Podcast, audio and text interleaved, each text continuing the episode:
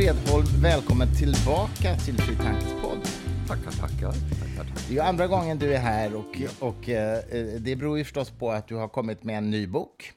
Eh, en bok som heter, ja, det är beroende på hur man läser det här, men Människans eviga frågor eh, är, är ju vad boken heter. Och eh, undertiteln Sex essäer om vad vi kan och inte kan veta.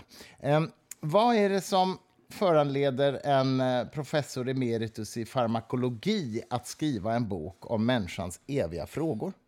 Ja, det är ju det att jag alltid har varit lite megaloman. Så att eh, eh, även my, mycket tidigt, eh, jag, när jag började läsa medicin så läste jag också eh, filosofi och religionshistoria på universitetet. Mm. Även om det inte blev några betyg. Men jag har alltid läst väldigt vitt och brett och försökt tänka över de här sakerna. Mm. Och, men har det haft någon har det så att säga spelat någon roll i ditt professionella yrkesliv som professor i farmakologi eller har det varit en hobby vid sidan om? Ja, det, det är snarare en hobby. Nej, jag tror inte att det eh, har spelat någon egentlig roll. Mm. Det tror jag inte. Om jag säger så här då, har, har ditt intresse för de här frågorna bidragit till att forma din egen livsåskådning och, och världsbild, så att säga? I, I, eminent hög grad. Ja, ja men det misstänkte jag nästan. ja. Har den förändrats från att du var eh, ung vuxen tills, tills nu, när du är äldre? Ja, det där är ju en av de där märkliga frågorna, att man själv är antagligen den absolut sämsta personen att kunna besvara den frågan. Mm, mm. För man, man ritar ju hela tiden upp en uppfattning om sin egen personlighet som man konstruerar eh, och den nykonstrueras eh, hela tiden och man mm. konstruerar nya minnen som passar bra in i den bild som man för tillfället har av sig. Ja, ja, så så jag avböjer att försöka ge ett direkt svar på frågan. Nej, men jag förstår det. Eh, jag förstår det. Du, du skriver ju här, det här är ju i någon mening sex essäer. Eh, Människan i alltings mått heter den första. Världen är materiell heter den andra. Och vad som utmärker det besjälade är att vi lever, säger du. Och sen förnuftet är passionernas slav. Det är ju oerhört många. Språket begränsar vad som kan sägas av världen. Det är ju Wittgenstein mycket förstås. Och sen då vetenskapens frågor till naturen, eh, alltså en slags ja. vetenskapsmetodisk, eh, eller vetenskapsfilosofisk, ska säga, eller hur? kan man ja. säga. Eh, det här är ju väldigt... Det, är ju väldigt, det täcker ju väldigt mycket av, av, av vår, vår relation till världen och vår uppfattning av världen. Va, va, hur har du kunnat hur har du kunnat liksom röra dig över ett så oerhört brett område när du har skrivit den här boken? ja, men det, det, är ju, det är naturligtvis lite, lite elakt mot en potentiell läsare att försöka spänna över så mycket. Så att det är... Eh, men jag tycker att alla de här delarna egentligen är väldigt viktiga. Mm. Eh, och sen så har jag ju i var och en av de här essäerna försökt utgå ifrån eh, oftast en, men ibland flera märkesgestalter. Mm. Eh, och Eh, speciellt de äldre har jag då för också försökt teckna en del personporträtt av. Mm. Eh, du börjar ju med människans i alltings mått här och, och talar, du talar om Protagoras och, ja. och Platon om vi, om vi börjar där, vad, vad, är det, vad, vad, är det som du vill skildra? De, de hade ju ganska motsatta uppfattningar i många frågor. Det kan man lugnt säga. berätta om det. Vad är det du vill skildra där? jo, nej, men jag tyckte att det är en väldigt bra sammanfattning, nämligen det att när vi försöker skaffa oss en uppfattning om oss själva och om världen och eh, eventuellt den här jättefrågan, vad är meningen? Då måste vi hela tiden anlägga ett mänskligt perspektiv. Vi kan aldrig, vi kan aldrig göra det på något annat sätt. Det blir, det blir nästan alltid fel när vi försöker eh, anlägga ett icke-mänskligt perspektiv. Vi, vi, vi, vi blir oerhört andliga och eh, eh, det, det är heller ingen slump att nästan alla gudar har påtagligt mänskliga egenskaper. Det var ju ännu mera så i de gamla religionerna. Och men även om då eh, briljanta tänkare som Aquinas och andra försökt sudda bort en del av de mera påtagliga eh, mänskliga egenskaperna ur gudsbilden så finns det fortfarande kvar. Mm, mm. Det är väldigt ofta en han eh, mm. som, som har bestämda åsikter om saker på samma sätt som en människa har. Mm. Men om man går till en del eh, vad ska vi säga, österländska filosofiska förhållningssätt så har man ju en, eh, oftast ett väldigt abstrakt gudsbegrepp, om man överhuvudtaget ens har ett ja, gudsbegrepp. Exakt. Man har ju inte alltid det i Nej. en del av de lärorna heller. Nej. Nej. Så att det du talar om är egentligen de mer västerländska, traditionella, teistiska. Ja, Samtidigt är det ju, är det ju också så, nu, nu, du kan, det, här, det, här, det här är svåra ting, det ska folk som är mera experter uttala. Men många gånger är de populärare formerna ja. utav även de här mera eh, förandligade österländska religionerna, så är, de ju, det är ju väldigt personligt. Mm. Eh, eh, gamla Vedanta blev ju en hinduism som är påtagligt eh, påtagligt många mänskliga gudagestalter. Mm. Men det tror jag inte fanns med de ursprungliga skrifterna. Nej, nej, nej exakt. Nej, nej, men det, det, eh, nej, det ja. gjorde det. Det fanns inte antagligen inte med så mycket nej. i de ursprungliga skrifterna. Nej, just det, just det. Även om även där så är ju de, några av de riktigt klassiska grejerna som Bhagavad Gita till exempel mm. är ju en dialog mellan en en eh, gudoms atavar och en, och, en, och en härskare som du kommer ihåg.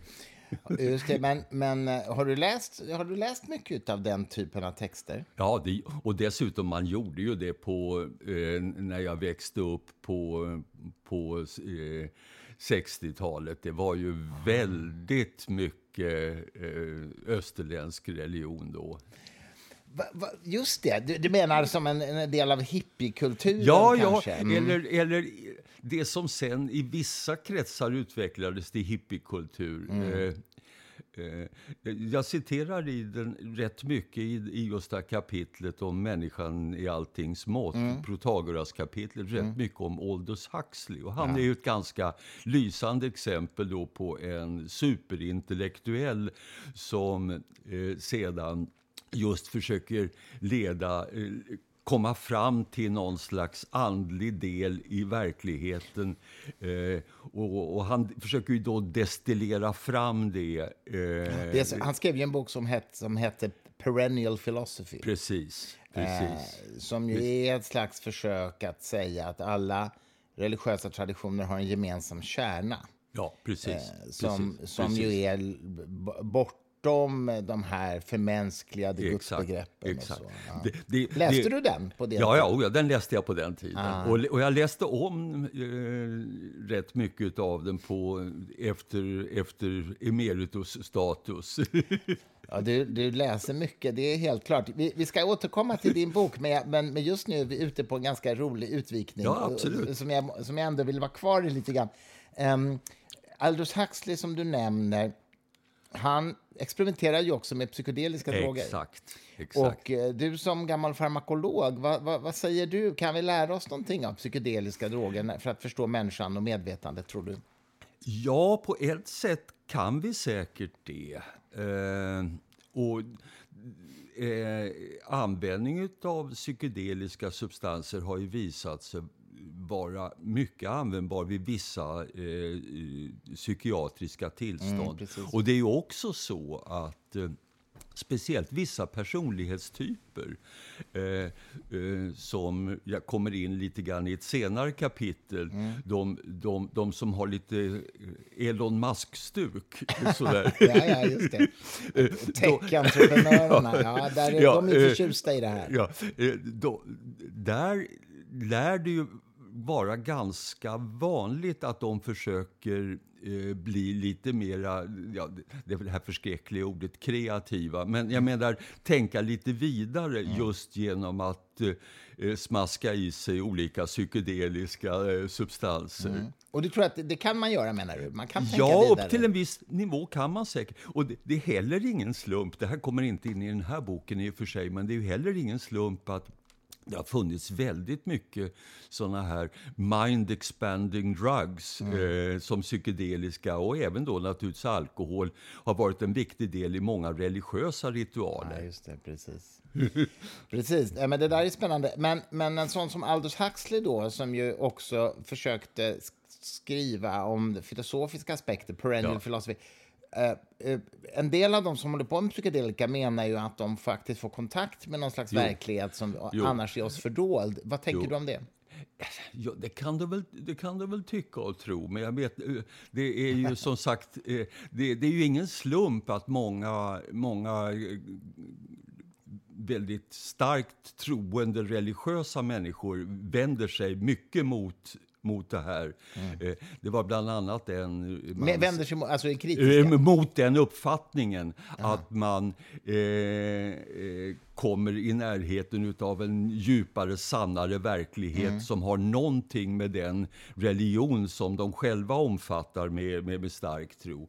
Och det där vill jag inte egentligen ge mig in i, men jag kan, jag kan se eh, att spe, speciellt Aldous Huxley uppfattar jag väl lite grann som att det blev väldigt konstruerat. Va? Det är, eh, i, i, jag citerar bland annat hans eh, den, eh, ur, ur den här boken eh, Doors of Perception eh, det. så, så eh, beskriver han där om hu- hur det var uppenbart att häcken var i själva verket darmakroppen och, och hur oerhört underbart vackert eh, tyget i hans eh, var det flanellbyxor väckade sig. Eh, och, och, och sen pekar jag på att i själva verket så var det så att han hade inga flanellbyxor på sig under meskalinruset utan han gick omkring i jeans. Men men eh, hans fru tyckte att man kan inte, man kan inte, man måste klä sig lite bättre för sina läsare. Vad roligt. Så det var, okej, så det var konstruerat. Ja, det var konstruerat. Och, men, men enligt min uppfattning så är det ganska mycket där som är ganska konstruerat. Och, och, han hade ju då läst sig till den här typen av eh, stor andlighet genom att destillera eh, olika religiösa mystiker. Ja, precis. Men han hade ju också, ja, precis. Men han hade experimenterade ju med de här drogerna. Ja, ja, det gjorde han. Ja. Jo, precis. precis. Men när du själv var en del av 60-talet, p- provade du sånt här då? Nej, jag prövade aldrig, aldrig psykedeliska. Men är det inte dags? Nej, jag, nej, jag tycker inte det. Jag, min, 80, min förlora? 80-åriga hjärna börjar skrumpla till alldeles spontant. Så att det, Ja, det tvivlar jag på i och för sig. Ja, du fyllde 80 nyligen. Man får gratulera. ja, tack, tack. Och den här boken är väl en slags eh, 80-årspresent till dig själv? Ja, så, så, eh, jag berättar ju det för dig, att, eh, Ja. att det är lite grann. Ja, men det är ju underbart alltså. Och att du liksom... Det här det sammanfattar egentligen din livsfilosofi kan man säga Ja, i den här ja. boken, eller hur? Ja. Men eh, du, låt oss gå tillbaks till människan i alltings mått. Hur var det nu med Platon och Prota- eh, Protagoras? Vad är, vad, är det, vad är de oense om? Nej, de är oense om bland annat just detta förekomsten utav gudar och en högre andlig verklighet, eh, absoluta värden. Protagoras ansåg inte att det fanns på samma sätt absoluta värden. Och det andra stora argumentet är ju det att Protagoras var demokrat. Och, och Platon var en eh, superaristokrat och, eh, och eh, eh, autokratslickare. Eh, Ja, förvisso. Samtidigt kan vi ju idag ganska tydligt se vad som händer när människor med, med, med dålig bildning och som styrs av algoritmerna på Facebook eh, de väljer en, en Donald Trump istället för en, eh, Ja, en, ja. en, en Obama-typ, så att Ja. säga. Ja, ja. Ja, Eh, precis. Ja, så, det, Precis. så demokratin... eh, det, må, det må vara så att det inte finns bättre alternativ, men den är inte så jävla bra, kanske. alltid. Nej, nej, precis. Nej men, nej, men det är ju den här klassiska påståendet att eh, eh, demokrati är ett förskräckligt, det är bara att allting annat är sämre. Exakt, ja precis. Ja, precis. Nej, men det, det där är intressant. Samtidigt, det här med Platon och hans idévärld. ehm, han må ha trott på gudar och sådär, men, men tanken att, att, att, att man kan liksom abstrahera bort det materiella och renodla en idé, den är väl inte så tokig? Nej, men det kan man naturligtvis göra. Sen, sen, sen är är en annan uppfattning hur långt man kommer med det. Ja.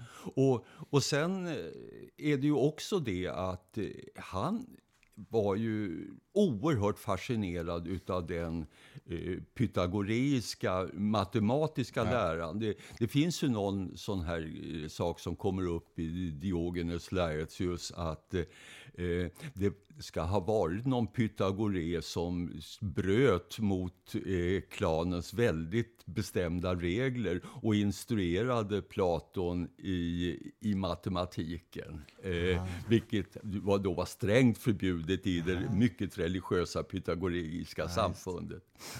Ja, just Så, det. så att sen, sen blev han ju då eh, fascinerad just utav matematiken som, en, eh, som ett sätt att hitta abstrakta värden som, som har en, ett värde i sig eh, och inte behöver hängas upp i något materiellt. Precis, och det är ju ganska många matematiker idag som Ja, just skulle kalla sig för matematiska Ja, platonister. exakt, alltså exakt. man menar att matematiken finns Ja, faktiskt precis. i någon Ja, mening. exakt. Vi upptäcker Pe- det. Penrose är ett, är ett Ja. väldigt bra exempel på det. Och Gödel var ju också det. Ja, ja, precis. precis. Och du då? Hur ser du på matematiken i det avseendet? Nej, men jag, det, det där är ju en sån där spännande diskussion som vi snuddar vid, som jag inte kan egentligen alls på något sätt. Men det, det är ju de här två skolorna. Eh, det, det finns de som, som säger att matematiker upptäcker en matematik som har en absolut existens. Och så finns det de som hävdar att matematiker uppfinner en matematik som visar sig användbar. Ja, just Och, Och vilken tillhör du då?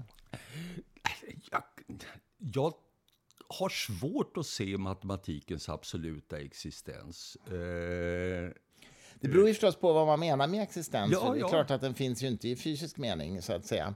Men jag lutar ändå åt det. Jag ja, ja, tänker- jo, jo, men Mm. det, det, det borde du nästan göra med din bakgrund. Så det, ja nej, men just det. För priktalen kan inte vara på något annat sätt, så att säga. nej, nej, men jag kan... eh, Men det som är lite roligt är tycker jag ändå, att det finns en, en, en ohelig allians, höll jag på att säga, mellan religiösa och matematiker i det. Du vet till exempel Georg Cantor som kom med en mängd, eller alltså ja, set ja, theory ja, och oändlighetsbegreppet ja. slutet av 1800-talet. Han var ju den första som såg på oändligheten inte som en process utan som ett objekt som Ja, hade ja. egenskaper och sådär. Va? Och han blev ju jättekritiserad av många matematiker i sin samtid, men han blev bejakad av den dåvarande påven i, i Vatikanen. Därför att det är klart att påven såg ju liksom en slags eh, jo, jo, teologiskt jo, innebörd i den här oändlighetsbegreppet. Eh, det gjorde nog inte Kantor kanske, men däremot så fick han stöd från Vatikanen för sin så att säga, matematiska forskning, om man så säger. Och idag så accepterar ju alla matematiker Kantor förstås. Ja, ja, precis. precis. Mm. Ut, utom den här Wittgenstein som sa att Kant gav bara en, en ny definition av, av, av eh, oändlighet. Ja, just det. Wittgenstein. Wittgenstein, He's the spe special case. Very special case. Men det är också kul, det finns ju, inom, finns ju också skolor inom matematik. Det finns ju så kallade intuition, intuitionister, Ja, tror jag precis. det kallas inom matematik. Bover till... Eh, Exakt, Ja. precis. Som inte erkänner eh, motsatsbevis, eller reductio ad absurdum. Alltså, Nej. eh, ett vanligt sätt att- bevisa att ett matematiskt objekt existerar det är ju att anta att det inte existerar och visa Mm. att det leder till en motsägelse. Det accepterar inte intuitionisterna. De säger att det, det räcker inte nej, precis. för att bevisa att ett objekt existerar. Det, det, är intressant. Jag tar upp eh, lite, lite grann om detta. Det, där var, sägs det att Protagoras ska ha varit en av de första som, som riktigt tydligt eh, formulerade eh, den, den matematiska principen, den bevisprincipen. Jaha, ja, okej, okay, ja, det är möjligt. Ja, det vet inte jag. nej. Det vet inte jag, men, äh, nej, men precis. Du, hur är det? Jag kommer inte ihåg, men skriver du om Gödel också? Det minns inte jag. Egentligen inte. Det är, det, är, det är svåra grejer. Det är svåra grejer. Det, det håller jag med om, men det är fascinerande grejer också. Men nu har ni gett ut bok nummer två om Gödel. Ja, jag, jag läste den första. Ja, den, här är, den här handlar mer kanske om hans liv, så att säga. Okay. Eh, den handlar i och för sig om hans gärning också, men, men eh, den är läsvärd. Jag kan rekommendera ja. den faktiskt. Men eh, i alla fall, ja, Protagoras och, och, Platon. Du, du går igenom detta ganska mycket då i den första ja. essän. Och, tar ett, det är väldigt tydligt här att du inte själv bejaka några gudsbegrepp överhuvudtaget. Nej. kan man Nej. säga. Det. Har, du, har, har det alltid varit så? Har, eller har du haft någon svärmisk ungdomsperiod när du lockades av det där? Nej, men däremot eh, minns jag ju att eh, man hade såna här naturmystiska upplevelser. Mm. Ja. Mm. Men, men, men däremot inte, inte religiös i Nej. någon vettig mening. Nej. Nej, jag förstår. Ditt föräldrahem då? Hur såg det ut? Nej, det var, det var inte heller... Eh, det var en sån här eh, söndagsskolekristendom, om du förstår ja, vad jag menar. Det. Konventions... Det, var, det var vissa, vissa ritualer som skulle... Som skulle mm. Konventioner, liksom. Ja, precis. Mm. Exakt. Det var en konfucianistisk religion. Ja, ja, jag fattar. Jag fattar. Ja, ja, nej, men det, det var väl vanligt på den tiden. Ja, absolut. Förstås. Eh, det, det kanske jag frågade i förra podden, men jag gör det igen. Vad gjorde din mamma och pappa? Eh, pappa, pappa var ju eh, eh, kemist och blev så småningom professor i livsmedelskemi. Och eh, mamma eh, utbildades till barnsköterska, mm. men hon dog ju väldigt mycket tidigt i min ungdom. Mm. Hur gammal var du då? Jag var 13 det är ingen bra ålder att nej. förlora sin förälder nej, i. Nej. Får jag fråga, så du växte upp då med en ensamstående pappa, så att säga? Ja. Mm. Kom, ni, kom, du och din pappa att komma varandra nära? Mycket, mycket. Ja. Och, och, och, han var starkt vetenskapstroende, om mm. du förstår vad jag menar. Ja, för du har ju gått i hans fotspår, får man ju säga. Ja, ja det, det kan man väl säga. Ja. Det där är så intressant. Uppmuntrade han dig mycket, mycket till det? Mycket, mycket. Ja. Skulle du säga att...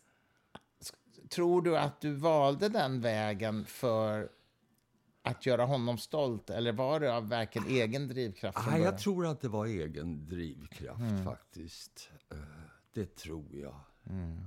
Ja, men det där är, det, det är ju som sagt som alltid väldigt svårt att... Eh, Veta, ja. Eh, ja, precis. Eh, och eftersom jag inte är romanförfattare så är jag inte så bra att utveckla sånt där. För det är ju Ja, jag har inte den sortens fantasi så jag kan...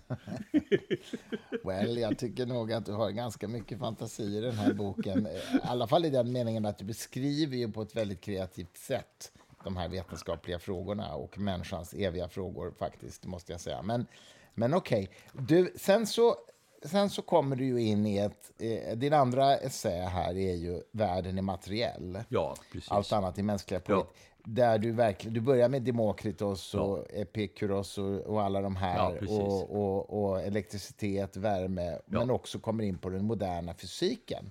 Och universum, alltså kosmologi och sådär.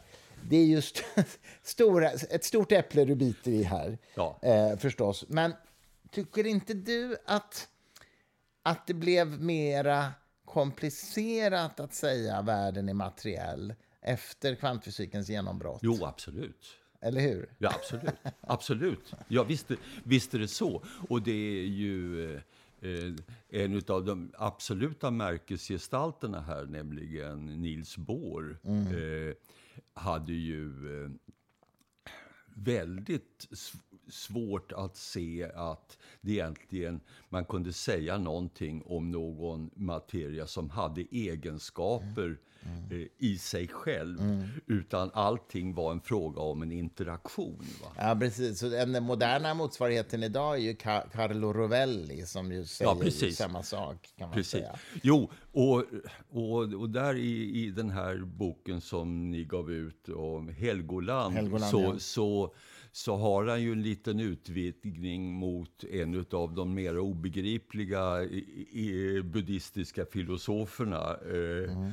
Men jag vet inte. Jag, jag, tycker inte han hjälper till mera än vad eh, till exempel Capra och, och, eh, och de andra som, som skrev för mm. väldigt många år sedan om mm. Tao of Physics och ja, the, the, Dancing de, Wooly ja, Masters. Fritiof Capra. ja, precis. Ja.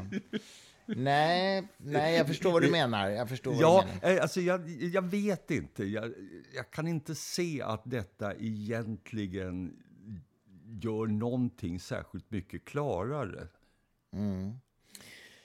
Nej men, det, nej, men det kanske inte gör det klarare, men det kanske ger oss en hint om att verklighetens natur är um, ganska väsensskild från vad vi trodde en gång i tiden. Jo, men, det, men, men samtidigt är det ju det att, och, och det här är ju ett genomgående tema i min bok, att eh, vi har en verklighet som vi kan hantera och som vi hanterar väldigt bra och där vi fungerar i eminent bra grad som agent. Mm. Och den kan vi undersöka. Mm. Eh, men så fort vi börjar avlägsna oss ifrån eh, de, de, de delar av världen som vi inte längre har någon sinneskontakt med mm. så blir allting väldigt svårt. Mm. Men det betyder ju inte att vi då ska, eh, som väldigt många filosofer har hävdat, att vi då ska säga att vi inte ska lita på eh, det våra sinnen och det, det vår kropp uppfattar. För mm. det, den uppfattar det i princip riktigt som som, som materiellt. Så att det handlar om att, att man, eh, enligt, och, och det där är en återkommande grej, man, varje problem ska behandlas på den nivå som är lämpligt för just det problemet. Mm. Ja, men precis. Alltså, man kan ju säga att vi, våra, våra fysik, fysikteorier fungerar ju väldigt bra för att förutsäga ja, absolut. Mm, precis. Exakt, de fungerar fen, fenomenalt bra. Även om som, som eh, flera har påpekat är nästan obegripligt och dessutom är det mycket trixig och fifflad matematik som ligger, ja, som ligger bakom. Men jag tycker inte att man bara ska shut up and calculate som ju eh, Köpenhamnstolkningen delvis säger att vi inte ska ens ställa oss frågan vilken nej, slags nej. ontologi som det här nej, motsvarar. Nej, nej, men, det ska nej, vi ju vara nyfikna på. Ja, men precis. Nej, men exakt. Jo, men jag menar... Men jag tycker, jag tycker det är intressant ändå att jag menar, Ernst Mach till exempel trodde väl inte ens på atomens existens. Nej, nej. Medan nej han ansåg gjorde... att det var en, var en obevisad hypotes. Ja, precis. Och ja. ibland kan man nästan idag undra om inte det fortfarande är det. Därför att vad är en atom egentligen, så att säga, med tanke på kvantfysiken? Nej, nej men på, på, på, samtidigt, eh, begreppet atom uh, det är användbart, ja.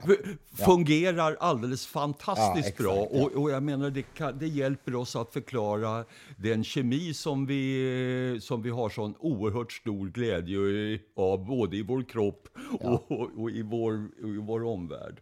Nej, men visst, det, det är klart. Så, jag menar, det är klart att Atomen existerar ju i den meningen att ja. den, eh, den fungerar som metafor väldigt väl för väldigt mycket. Precis. Men, men, men det är så fort man börjar, man börjar ställa sig de här eh, absoluta frågorna i Platons verk, då försvinner saker. Ja, ja. Eh, eh, men vi kan inte sluta göra det.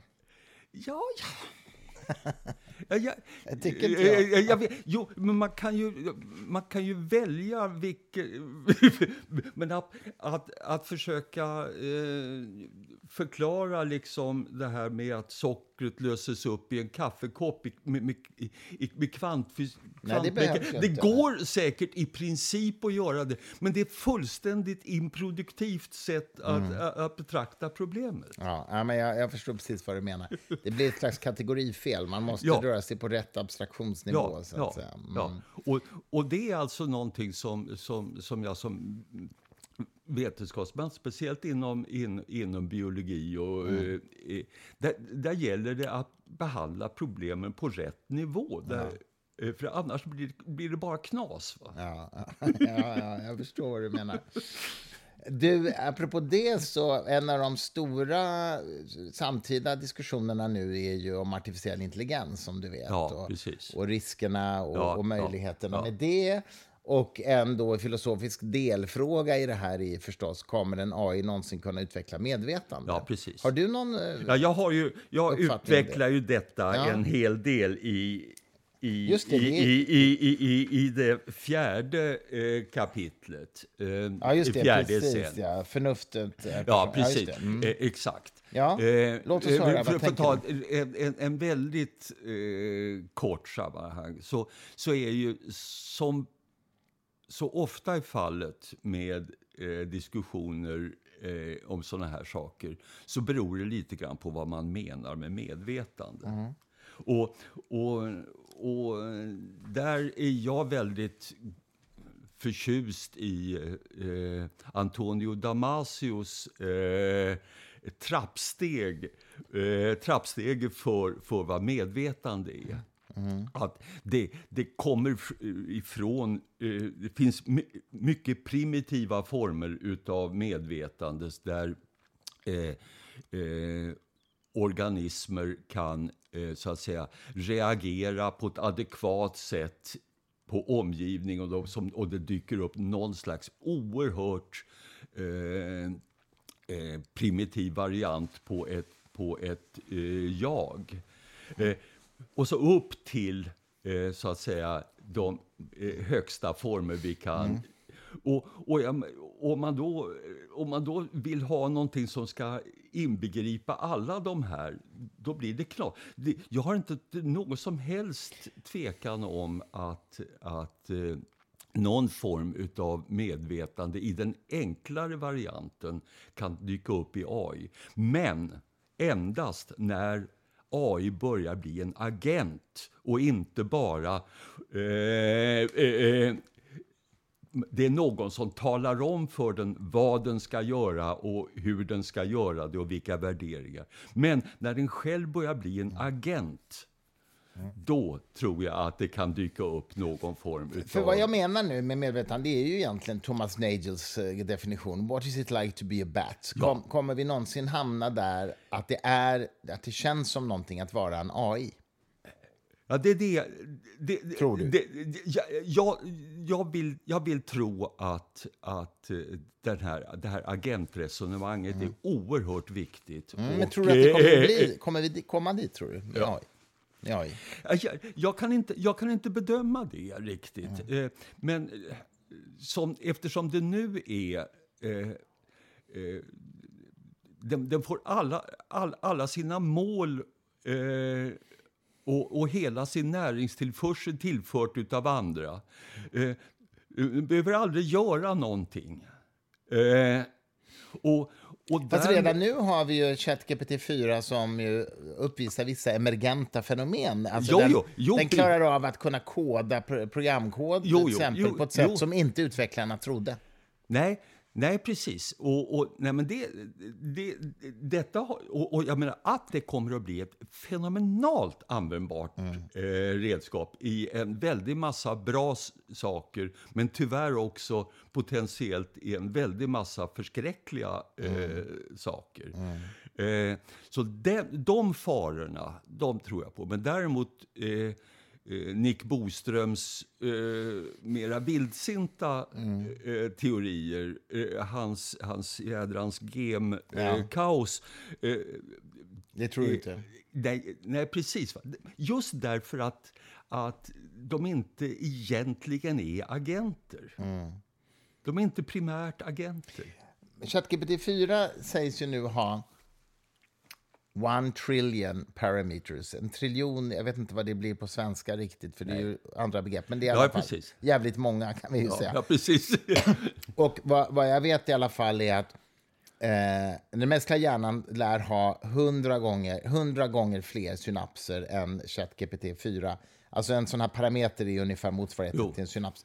Så att det är bara en faktor 100 som Jo, skiljer. men det, det, Och det är ganska lite, menar jag. Ja, ja, men det är fortfarande, det är fortfarande, man ser då hjärnan som, eh, alltså jag, i den här boken så Mm. driver jag väldigt hårt detta att hjärnan är inte elektroniska... Eh, det är inte en maskin, tror du?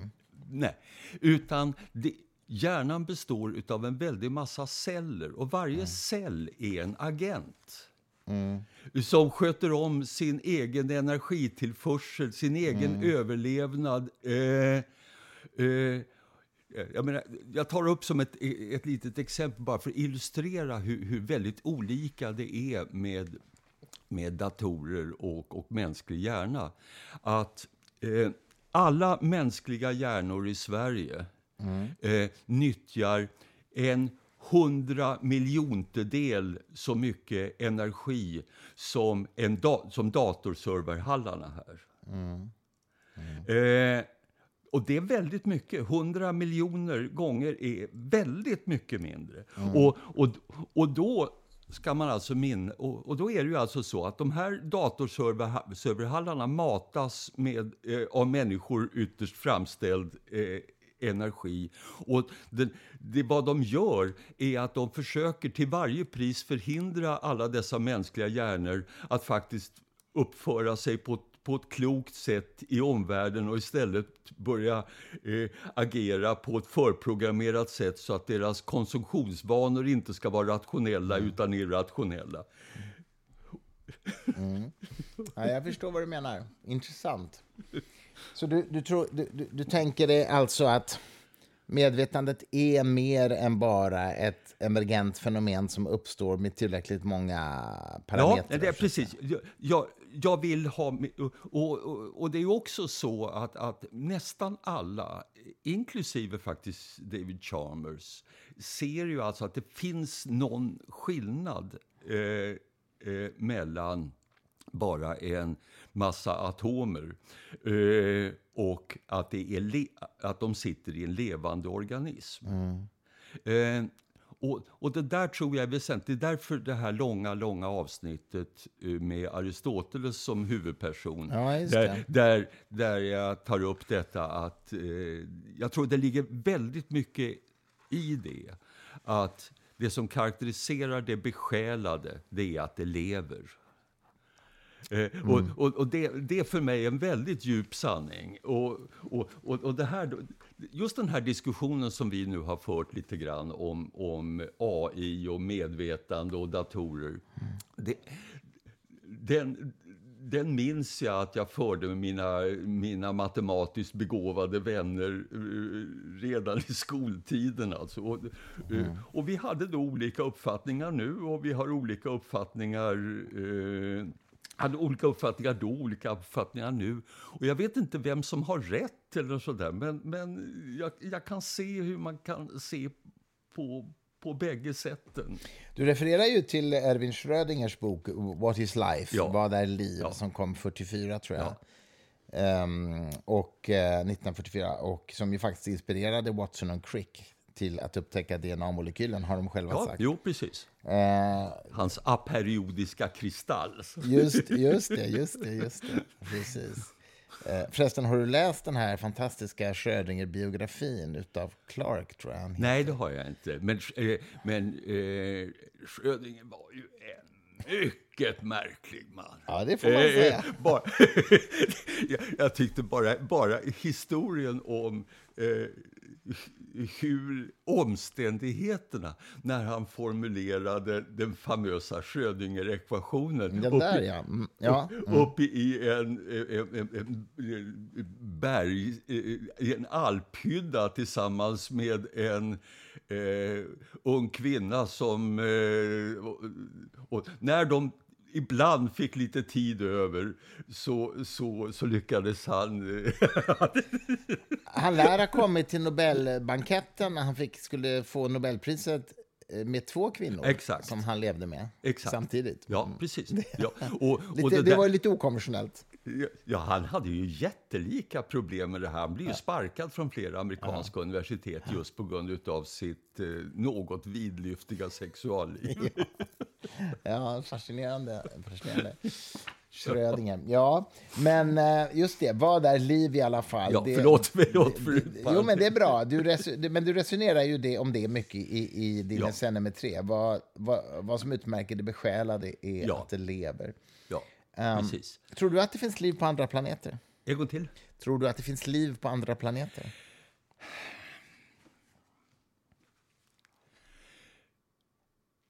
Ja, jag kan... Det är ju inte...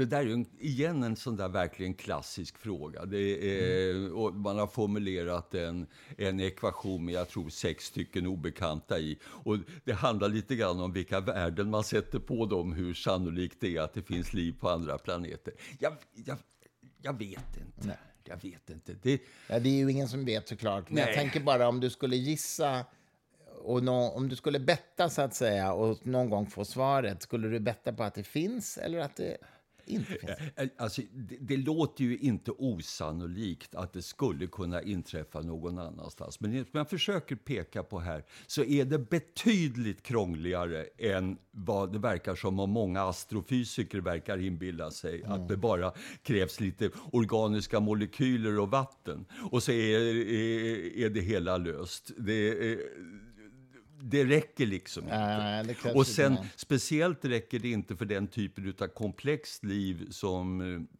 som vi människor är exempel på. Mm. Hela den här utvecklingshistorien är ju som har, flera har påpekat tidigare, kantad av slumphändelser. Ja. Och eh, att vi finns här, eh, eh, ja, eh, att därför att en, en föregångare händelsevis råkade överleva den här stora eh, kambriska eliminationen av olika varelser. Mm. Och bland de få som överlevde så fanns någonting som sedan kom att bli eh, däggdjur. Mm. Ja, Ja, nej det, det är intressant alltså. Det är många nålsögon som vi har passerat. Många, många nålsögon. Men du, innan vi släpper medvetandet förresten, så hur tänker du kring fri vilja och sådär? Har vi det? Jo, men det, det där, där, där, där snodde jag en lång eh, kommentar av Raymond Smullian. Eh, mm. Den här, ja, ja, eh, han, är, han var en fantastisk oerhört logiker. begåvad logiker. Ja. Som skrivit flera böcker om schack också. Ja, precis. Ja, ja det kan jag tänka mig. Mm. Men där, där har han en påhittad dialog mellan Gud fader och människor och människan. Mm.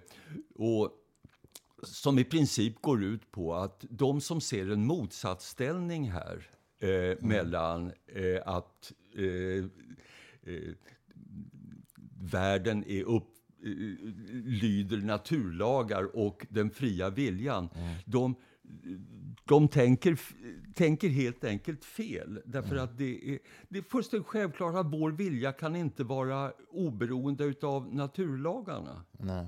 Nej. Eh, och det är inte krångligare än så. Men det betyder ju inte att, att, eh, att eh, man kan beräkna precis allting som kommer att hända i framtiden. Det, det, ju, det säger ju inte våra naturlagar heller. Så jag ser ingen som helst motsatsställning mellan en, en i princip eh, kausalberoende eh, värld och fri vilja. Jag ser ingen motsatsställning alls, utan det är igen ett kategorimisstag. Mm. Intressant. Det är ju, det, men det är ju fortfarande en väldigt omdiskuterad absolut. fråga bland medvetande ja, filosofer. Jo, absolut. Absolut. Nej, men, men som sagt, det, det finns ju väldigt många som då, eh, inklusive Nobelpristagare, som väljer att lösa problemet genom att Gud fader lägger in lite fri vilja och själ Ja. i det mänskliga fostret vid tre, mån- eh, tre veckors ålder. Eh, och så kan man naturligtvis lösa problemet, men jag, för är mig är det inte en det. tillfredsställande Nej, lösning. nej, jag förstår. Du, du har ju också en essä eh, om språket. Ja. Och det är klart att Wittgenstein står ju i centrum där. Ja. Vad är din relation till Wittgenstein? Ja, den var ju alltså eh, devot, skulle jag vilja säga. Jag läste, jag läste Traktatus. Allt, som kom ut. När det kom ut på, på Blackwell så, så, eh, så köpte jag det raskt och läste och, och, och förundrades och beundrade. Ja. Eh, och så läste jag massor av kringlitteratur om Wittgenstein. Och man var ju alltså fascinerad utav både den märkliga personen och, eh, och hans eh, ofta oerhört eleganta eh, formuleringar. Och sen så började man grunna över vad det kunde betyda och det gav mycket tanke, tankestoff. Men han var lite grann av en sektledare har jag en känsla av. Ja, alltså. han blev ju det. Han hade ju lärjungar omkring sig som klädde sig som honom och gick precis. som honom Ja, ja, och talade Ja, som precis, honom. Precis. Men nu så inför den här boken så läste jag då om väldigt mycket igen och eh, får då, har, då, har då svårare eh, därför att just den sene Wittgensteins förkastande utav all form utav eh, teoretisk underbyggnad för någonting är, är, är, är ju väldigt svårt att acceptera för någon som har levt eh, länge i naturvetenskap. Det går liksom inte att, att då vara devot Wittgensteinian. Läste du eh, Sten Anderssons biografi? Nej, den läste jag inte. Den är ganska rolig. Alltså. Den Ja. är också ganska respektlös mot Wittgenstein. och Ja, okej. Ja, det, det, det, är ju jag också. Ja, det är du också. Jag vet. Jag ser, det var därför jag undrade om du hade läst den och blivit inspirerad. Nej, det har jag inte gjort. Nej, Men, men det, eh, men sagt att det, jag, jag kände att jag redan hade en hyllmeter Wittgenstein och det fick räcka med det. Ja, det kan, det kan räcka kanske. Men, men däremot så, eh, så, så, så är du ju inne på det att, att språket ju i någon mening begränsar vad vi kan säga om världen och, och också att språket ger oss... Vi väljer ju ett antal metaforer som ju Ja. har pedagogiskt värde men som också sätter ramarna för Precis. hur vi förstår världen. Precis, precis. Och det där tycker jag är så intressant, alltså att ja, eh, ja. vårt tänkande kan styra så mycket Absolut. av vilka metaforer vi väljer. Absolut. absolut. Och jag var ju aktiv, när internet slog igenom, var jag aktiv i internetbranschen och, och då blev det ju plötsligt populärt att använda nätverksmetaforen för väldigt mycket annat än, ba, än Ja. bara internet. Och liksom man skulle prata om nätverk i alla möjliga sammanhang. Och det är lite grann sådär att det, Ja. det blir lite trender liksom. I, Precis. Men, men att, som jag också tar upp i boken så är ju språket för det första är det märkligt att det dök upp så relativt sent i, i människans historia. Och jag, jag är väldigt svag för en man som heter Robin Dunbar som då eh, för, för fram tanken att vi utvecklade språket då för eh, det är vår motsvarighet till grooming. Och då är den gamla betydelsen, nämligen att Ja, apor sitter och plockar löss från varandra, inte den moderna, lite förskräckligare betydelsen nej, utav grooming. Nej. Eh, eh, men, så han säger alltså att vår, vårt språk utvecklades för att kunna umgås eh, på, på det sättet med upp till 150 individer i en grupp. Ja, just det, precis. Dun, the Dunbar number. The num, Dunbar number. Och, och vad han då också säger, tror jag egentligen är väldigt, väldigt bra. Att vi, vi använder inte språket för att eh, utbyta information. Utan primärt för att, som han, som han säger, eh, eh, tell who is, who is doing what with whom. Ja. Vilket är, det är skvaller. alltså. Skvaller, ja, just Det är skvaller. Och, och, och, och det var ju där mycket av den här ursprungliga IT-entusiasmen gick så snett. Mm. Därför man tänkte sig att man skulle använda telefonen då för att utbyta information och så vidare.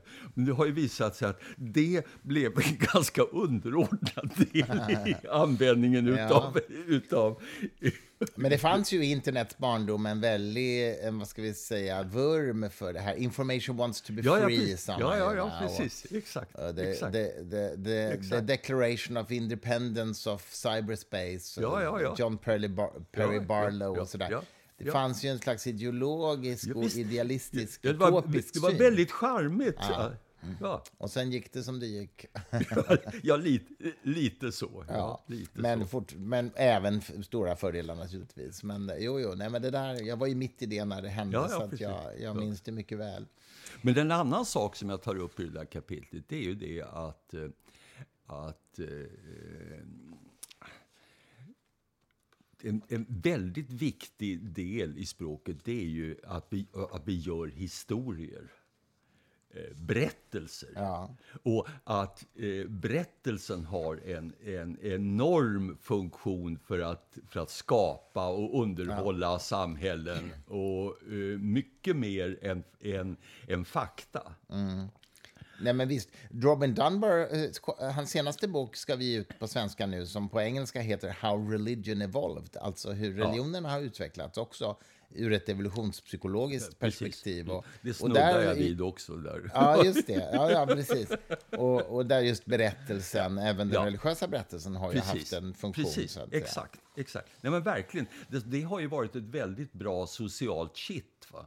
Mm. Uh, eh, den, den religiösa berättelsen. Överhuvudtaget, religionen har ju alltså varit väldigt uh, bra för att åstadkomma en, en gruppsam eh, samvaro. Mm. Men problemet i alla de här gångerna när man strävar efter en stor gruppsamvaro är ju att det, det, ofta är det allra kraftfullaste sättet att definiera den egna gruppen det är att definiera de som inte tillhör gruppen. Mm, just det. Vi och dem. Eh, Mm. Eh, vi och dem, ja. Mm. Det är vi och dem. Ja. Och, och, och det här är ju, som, som vi märker, religionen sammanfogar folk, men den här andra sidan mm. av det mm. eh, kan man inte blunda för. Nej, nej men visst. Så är det naturligtvis. Um, det är så roligt, du, har ju, alltså, du, du, du, är ju så otroligt beläst på så oerhört många... Jag menar, det, man får ju oerhört många boktips i din bok, ja, vilket är fantastiskt. Jag gläder mig åt att du faktiskt refererar till min Jajamensan. gode vän och mentor Douglas Hofstadter också. Ja. I am a strange ja, loop. Alltså, den, är, den är väldigt trevlig. Ja. Väldigt trevlig bok. Ja. Jo, och det är just det, där han utvecklar sin syn på medvetandet. Mm. Ja. Och du, du berättade också om Ramsey som ju ja. spelade stor roll i, i, i, under Wittgensteins tid. Berätta lite om Ramsey. Vad, Ramsey. Ramsey var ju alltså en sån här fullständigt makalös superbegåvning och, och stor och kraftig ja. karl. Mm. Eh, så långt innan de 20 så eh, spelade han en stor roll för några av de mest briljanta tänkarna i, i Cambridge. Vad menar du med de 20 här? De, de In, innan han fyllt 20. Jaha, innan han fyllt 20. Ja, ja. Mm, ja mm. precis. Så, som väldigt ung alltså. Mm. Och, han eh, dog ung också. Ja, han gjorde ju det. Och, och en, av de, en av de saker som gör att han kommer in här, det var ju det att det var han som översatte Wittgensteins enda utgivna bok, mm, nämligen Traktatus. Traktatus mm. Även om det var hans handledare som fick credit för det på omslaget. Aha, ja. Mm, mm. Men, eh, och, eh, och, och, efter det att han hade översatt Wittgenstein så kom han också med en, fortfarande bland de allra mest penetranta analyserna utav oklarheterna i Traktatus. Ah. Eh, eh, och han åkte då ner när han, på, på, på ferier ifrån Cambridge till, till Wien och han åkte dit primärt därför att han eh, hade lite trassel med sitt sexliv. Så han, mm. ville, han ville prata med Freud. Ja, ja. Mm, mm. Eh, Men som sagt, han fick inte, han fick inte, han Frågan kom om inte under hjälp- Freud, men han fick behandling och det, det visar sig att hans sexliv lys, löste sig sen väldigt, väldigt bra. Jag tänkte just säga, Freuds idéer kanske inte var så väldigt nej, behjälpliga. nej, men det, det, det var ju väldigt inne på Ja, 20-talet, ja, något så enormt alltså. Eh, eh, och, och, och, sen så tyvärr så, så dog han ju redan eh, 23 år gammal. Men hade alltså ju, lämnat Mm. bestående bidrag till, till statistik, Ja, eh, till matematik, till ekonomi. Helt makalöst. Mm. Ja, ja, det är verkligen makalöst. Ett universalgeni, Ja, och dessutom, till skillnad från Wittgenstein, han lär ha varit urtrevlig. Det är så, tänk vad synd att världen förlorade honom så ung. Ja, alltså. absolut. Det är ju, det är ju jäkligt sorgligt. Du, och din sista essä då, den, den handlar ju faktiskt om den vetenskapliga Ja. metoden, om vetenskapsfilosofi Ja, kan man ja, säga. Peers, pragmatismen, du pratar om ja. Popper och Ja. vinskolan förstås, precis. vinkretsen. Ja, ja precis. Um, vad, vad- vad, vad ska vi ta med oss, tycker du, av den essän? Vad är det du vill säga här? Du pratar ju om paradigmskiften och revolutioner. Nej, alltså det, ja, alltså det, det, det begreppet tyckte jag har, har gått fullständigt snett om, Mm. om, om paradigmskiftena. Det, I den där mycket kända boken så kan paradigm betyda 20 olika, minst 20 olika saker. Och man, eh, den kom att användas eh, som en vetenskapskritik som kom tillsammans med all annan vänsterbetonad samhällskritik under 68 åren. Eh, men sen tog han ju själv tillbaka det mesta av vad han hade sagt i den ursprungliga boken om den, vete, om den vetenskapliga revolutionerna. Jag pratar alltså om Thomas Kuhn. Thomas Kuhn, ja. Mm. Ja. Eh, så det är jag inte svag för. Och, men däremot så ser jag eh, att vetenskap genom förmågan att åstadkomma de bästa provisoriska sanningarna är någonting som man måste eh, fortsätta att hålla sig till. Eh, och jag är ju starkt vetenskapstroende av födsel, höll jag på att säga, och o- Ohejdad vana. ja, så, Men, det, men det, här, det här draget som vi, eh, tror jag, sådana som du och jag har, att, att, mm, att vi också vill att det ska vara estetiskt, alltså vetenskapens Ja. skönhet. ja, Egentligen, varför strävar vi efter det? Varför skulle det vara det? Liksom? Varför ska ekvationerna vara eleganta? Alltså jag tror egentligen att det är ett... Vi använder ordet vackert där. Eh, eh, lite speciellt. Det är samma sak som, som en eh, sportkommentator eh, anser att det är vackra mål och, det Ja, okej. och så vidare. Eh, så vad jag tror att vi försöker sträva efter, och, och, och det försöker jag förklara med, med hjälp av några av auktoriteterna som Popper och andra, eh, är att vi måste sträva efter de enklaste eh, formuleringarna utav en teori som eh, och inte försöka komplicera det i onödan. Och då upplever vi det som vackert. Eh, Vi, vi benämner det vackert när man har lyckats formulera eh, saker eh, matematiskt i en, en snygg ekvation istället för en, eh, ett gäng eh, ekvationer. Ja, jag förstår, jag förstår vad du menar. Ehm, Så att skönhets, eh, begreppet skönhet har här fått lite grann en speciell överförd betydelse, tror jag. Men jag menar, ibland har man ju hört sägas liksom att var, varför skulle universum vara begripligt överhuvudtaget? Nej, liksom nej, det. nej. Eh, och det är klart att det är en hel del som vi fortfarande inte begriper i för Nej, sig. Det, och det är väl, det, det- det är väl kontentan av det kapitlet egentligen, att, eh, att eh, vi, vi begriper det inte i den... Vi, vi begriper att saker och ting sker, något sånär hur det sker, men vi har inte den blekaste aning om varför det sker. Nej. Nej.